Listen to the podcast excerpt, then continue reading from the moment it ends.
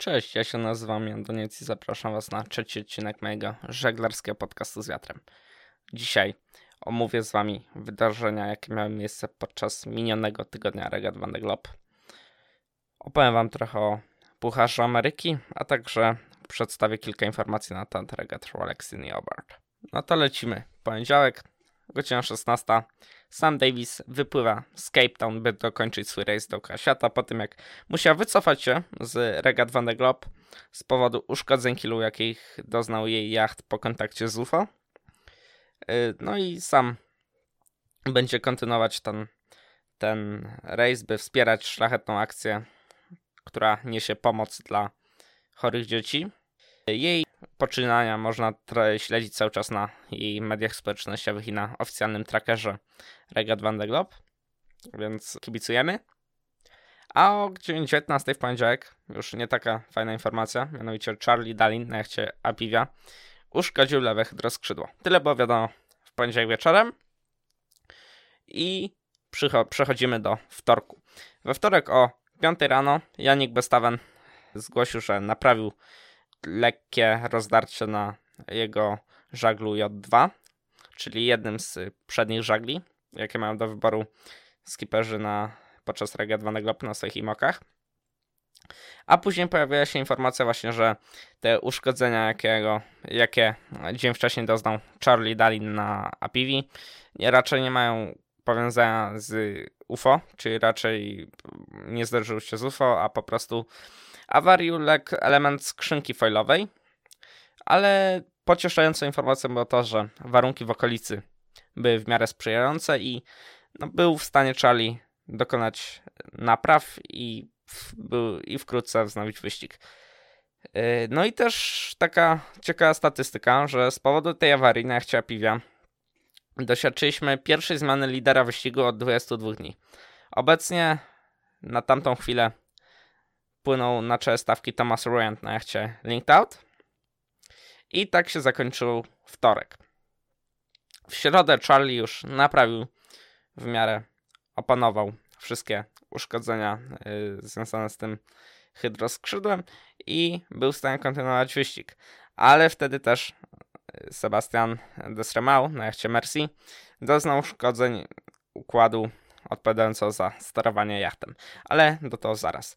Y, no i też dla dalszego przebiegu wydarzeń w środę nastąpiła ponowna zmiana lidera i to Janik Bestaven objął ten fotel i jak na razie to on cały czas prowadzi. Dodatkowo w środę pojawiły się informacje na temat rekompensat czasowych, jakie zostały przyznane zawodnikom biorącym udział w akcji poszukiwawczej Kevina, yy, którego jacht PRB zatonął. I bonifikaty te wyglądają następująco. Jean Lecam, yy, od czasu Jeana Lecama na mecie zostanie odjętych 16 godzin 15 minut. Od czasu Janika Bestawena na mecie zostanie odjętych 10 godzin 15 minut, a od czasu Borisa Hermana zostanie odjętych 6 godzin. Sebastian Simon wycofał się z prośby o rekompensatę, no bo ponieważ on się wycofał z wyścigu, więc to, to nie miałoby wielkiego sensu. Więc to jest ta informacja dotycząca tych rekompensat, na to czekaliśmy. No to jest spoko informacja. Dodatkowo y, w środę Janik Bestaven jako pierwszy mi zostawił za sobą 50% całego dystansu regat, więc to jest fajna informacja. A z tych gorszych informacji, które wydawały się gorsze, to w godzinach wieczornych w środę Linked Out z Tomasem Oriantem na pokładzie nagle, na, nagle nabrał wody w części dziobowej, kiedy, kiedy to właśnie Tomas Oriant miał krótką drzemkę. I gdy się obu, obudził, właśnie zobaczył, że w części dziobowej są no, ilości wody. No i jakby tyle było wiadomo.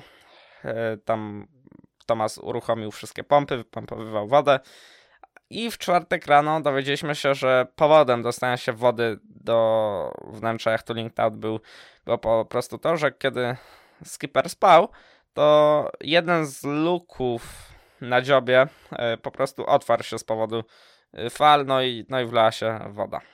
I to był czwartek. W czwartek tyle się działo z jakichś takich ciekawszych rzeczy. I w piątek Sebastian Destremau powiedział, że zgłosił, że już w miarę udało mu się y, okiełznać ten problem z uszkodzeniami steru, właściwie układu sterowania i autopilota i powoli był w stanie kontynuować wyścig.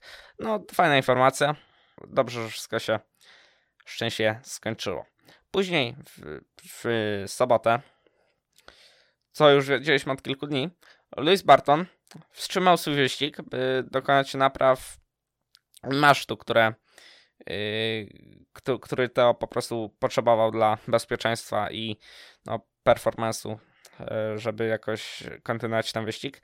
No to Louis Barton zdecydował się, że podpłynie z podwyspę Macquarie, skorzysta z jej osłony, ponieważ no, będzie, będzie szukał tych wyższych takich obszarów na wyspie i się tam schroni i będzie i, będzie, i wespnie się na maszt i y, odetnie się nie mylę uszkodzoną szynę grota, z to co zrozumiałem. No i na to działanie, żeby tam się zbliżyć, y, dostał specjalne pozwolenie od rezerwatu przyrody na wyspie. Miał to, miał to robić e, w sobotę wieczorem, z, z nocy na sobotę y, na niedzielę, ale no jak patrzyłem na tracker, to cały czas Cały czas tam Lewis prowadzi naprawy, więc liczę, liczmy, że wszystko uda się szczęśliwie naprawić. Dzisiaj z kolei pojawia się informacja, że Miranda Meron, płynąca na jachcie Campagne de France, przez ostatnie dni zmaga się z problemami z autopilotem, a także generatorem prądu, ale na szczęście udało się jej tam wszystko rozwiązać i z powodzeniem kontynuuje wyścig.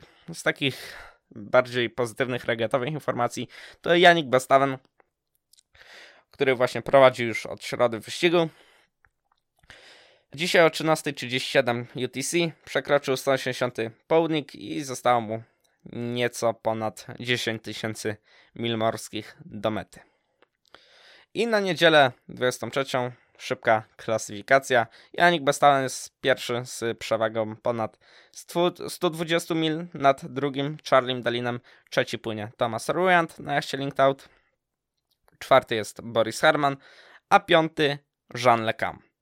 Za liderem jest już ponad 55% wyścigu. Dobra, teraz przechodzimy do Pucharu Ameryki, a w nim odbyły się trzydniowe pokazowe regaty America's Cup World Series w Oakland, w których to mieliśmy po raz pierwszy okazję zobaczyć jednostki AC-75 ścigające się między sobą. Trzy dni intensywnego ścigania wygrał nie kto inny jak Emirates Team New Zealand, czyli obrońcy tytułu to głównego Pucharu Ameryki. Zaraz za nim zajął miejsce New York Yacht Club American Magic. Na trzecim miejscu dopłynął włoski zespół Luna Rossa Prada Pirelli. A po dosłownie fatalnych, a to bardzo, bardzo, bardzo fatalnych regatach na ostatnim miejscu bez żadnego zwycięstwa regaty ukończył brytyjski Ineos Team UK. No tutaj naprawdę Brytyjczycy mają e, sporą zagwozdkę jak poprawić swoje osiągi, bo to nie jest tak, że oni po prostu przegrywali wyścigi, oni przegrywali te wyścigi z olbrzymią stratą, ale do tego to odsyłam na artykuły na Sailing Republic Net, bo tam, tam więcej o tym pisałem. Słuchajcie, zawody rozgrywały się w zmiennych warunkach wiatrowych. Szczególnie w pierwszym dniu był fajny wiatr do 19 węzłów. Później, później to trochę słabło.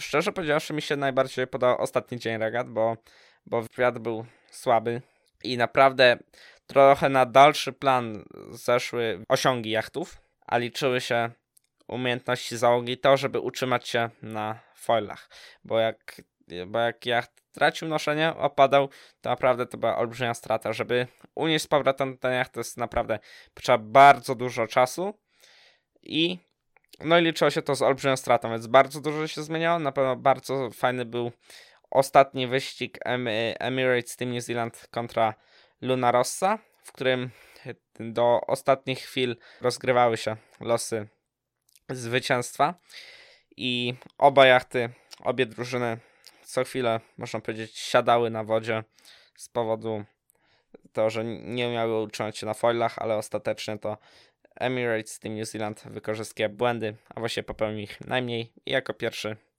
przeciął linię mety, tym samym potwierdzając sobie tytuł, tak? Więc to był taki przedsmak Pucharu Ameryki. Później w niedzielę, czyli dzisiaj w nocy miał polskiego czasu, miał się odbyć Christmas Race. Ale niestety, no, problem, problem taki, że wiatr już totalnie zdechł, nie było wiatru. Zaczęto pierwszy wyścig Emirates Team New Zealand kontra Ineos Team UK, ale no, nie, nie byli w stanie go dokończyć nawet z zbyt słabego wiatru, bo e, nie zmieścić się w limicie 45 minut, żeby stawić się na mecie. Później było trochę oczekiwania na wiatr, ale ostatecznie stwierdzono, że, że wyścig zostaje odwołany. Więc to tyle z Pucharu Ameryki. Do niego na pewno będziemy wracać im bliżej będzie tych głównych rywalizacji. A teraz jeszcze krótka wzmianka Rolex Sydney Obart, który niestety po raz pierwszy od 76 lat się nie odbędzie, ponieważ z powodu pandemii został odwołany. Powodem są narastające obostrzenia, jakie wprowadzono w Sydney i Tasmanii. No i jakby organizator stwierdził, że w związku z tymi panującymi obostrzeniami i mając na uwadze zdrowie i bezpieczeństwo uczestników, no nie, nie są w stanie przeprowadzić tych regat. Szkoda, ale no jest to uzasadniona decyzja i oby wszystko wróciło do normy za rok. Dobra, ja za dzisiaj Wam bardzo serdecznie dziękuję. Do zobaczenia za tydzień. Stopy wody pod kilem i wesołych świąt.